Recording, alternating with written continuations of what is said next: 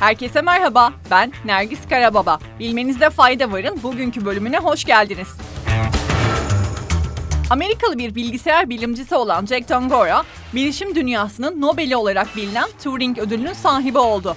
Dongora, 1970'lerin sonunda yazdığı Limpek isimli bilgisayar kodu ile günümüz süper bilgisayarlarının karmaşık matematik işlemlerini yapabilmesinin yolunu açmış oldu. Association for Computing Machinery ya da kısaca ACM, dünyanın en güçlü bilgisayarlarının içindeki donanıma ayak uydurabilecek yazılımı sağlayan kod çalışmalarından ötürü Dongora'yı bu yılki ödüle layık gördü. 1966 yılından beri verilen Turing ödülü çok prestijli olmasının yanı sıra 1 milyon dolarlık bir ödülle birlikte geliyor. Ek bir bilgi vereyim. Dongora ve meslektaşları Limpek'i kullanarak 1990'ların başında süper bilgisayarların gücünü ölçen yeni bir test de geliştirdi ve bu sayede söz konusu bilgisayarın saniyede kaç işlem gerçekleştirebileceğini hesapladılar. Bu testte dünya üzerindeki en hızlı bilgisayarları karşılaştırmada kullanılan öncelikli yöntem haline geldi.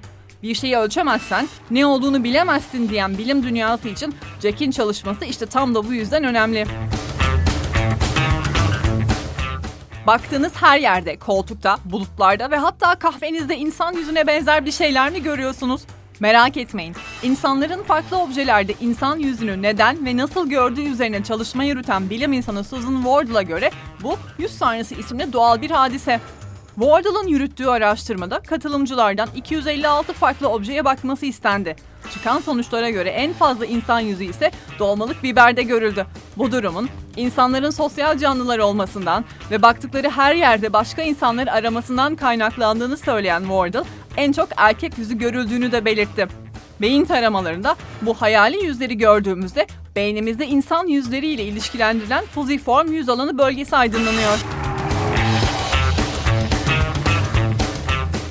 ABD menşeli bir kripto para borsası olan Gemini tarafından 20 ülkede 30 bin kişinin katılımıyla gerçekleştirilen yeni bir ankete göre Amerika Birleşik Devletleri, Latin Amerika ve Asya Pasifik bölgesindeki kripto varlık sahiplerinin yarısından fazlası dijital varlıklarını ilk defa 2021'de satın aldı.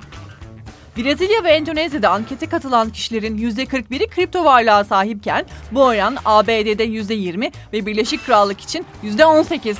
Ankete katılım sağlayanların %79'u ise uzun vadeli yatırım potansiyeli gördüğü için kripto varlıklara yatırım yaptığını söyledi.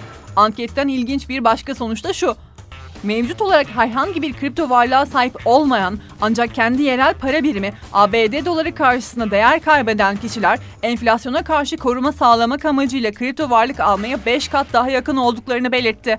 Ama ankete ABD'den katılanların yalnızca %16'sı ve Avrupalı katılımcıların ise sadece %15'i kripto para birimlerini enflasyona karşı hedge olarak görürken bu oran Endonezya ve Hindistan için %64. 2005 yılından beri JP Morgan CEO'su ve 2006 yılından bu yana da yönetim kurulu başkanı olan Jamie Dimon, kendisine ne zaman emekli olacağı sorulduğunda her zaman 5 yıl sonra cevabını veriyor. Geçen yıl ise bankanın yönetim kurulu uzunca bir süre daha görevinde kalsın diye Dimon'a yüklü bir prim verdi. Bu prim ile birlikte Jamie Dimon'ın aldığı maaş JP Morgan çalışanlarının ortalamasının 917 katına denk geliyor. Bugünlük bu kadar. Yarın görüşmek üzere. Hoşçakalın.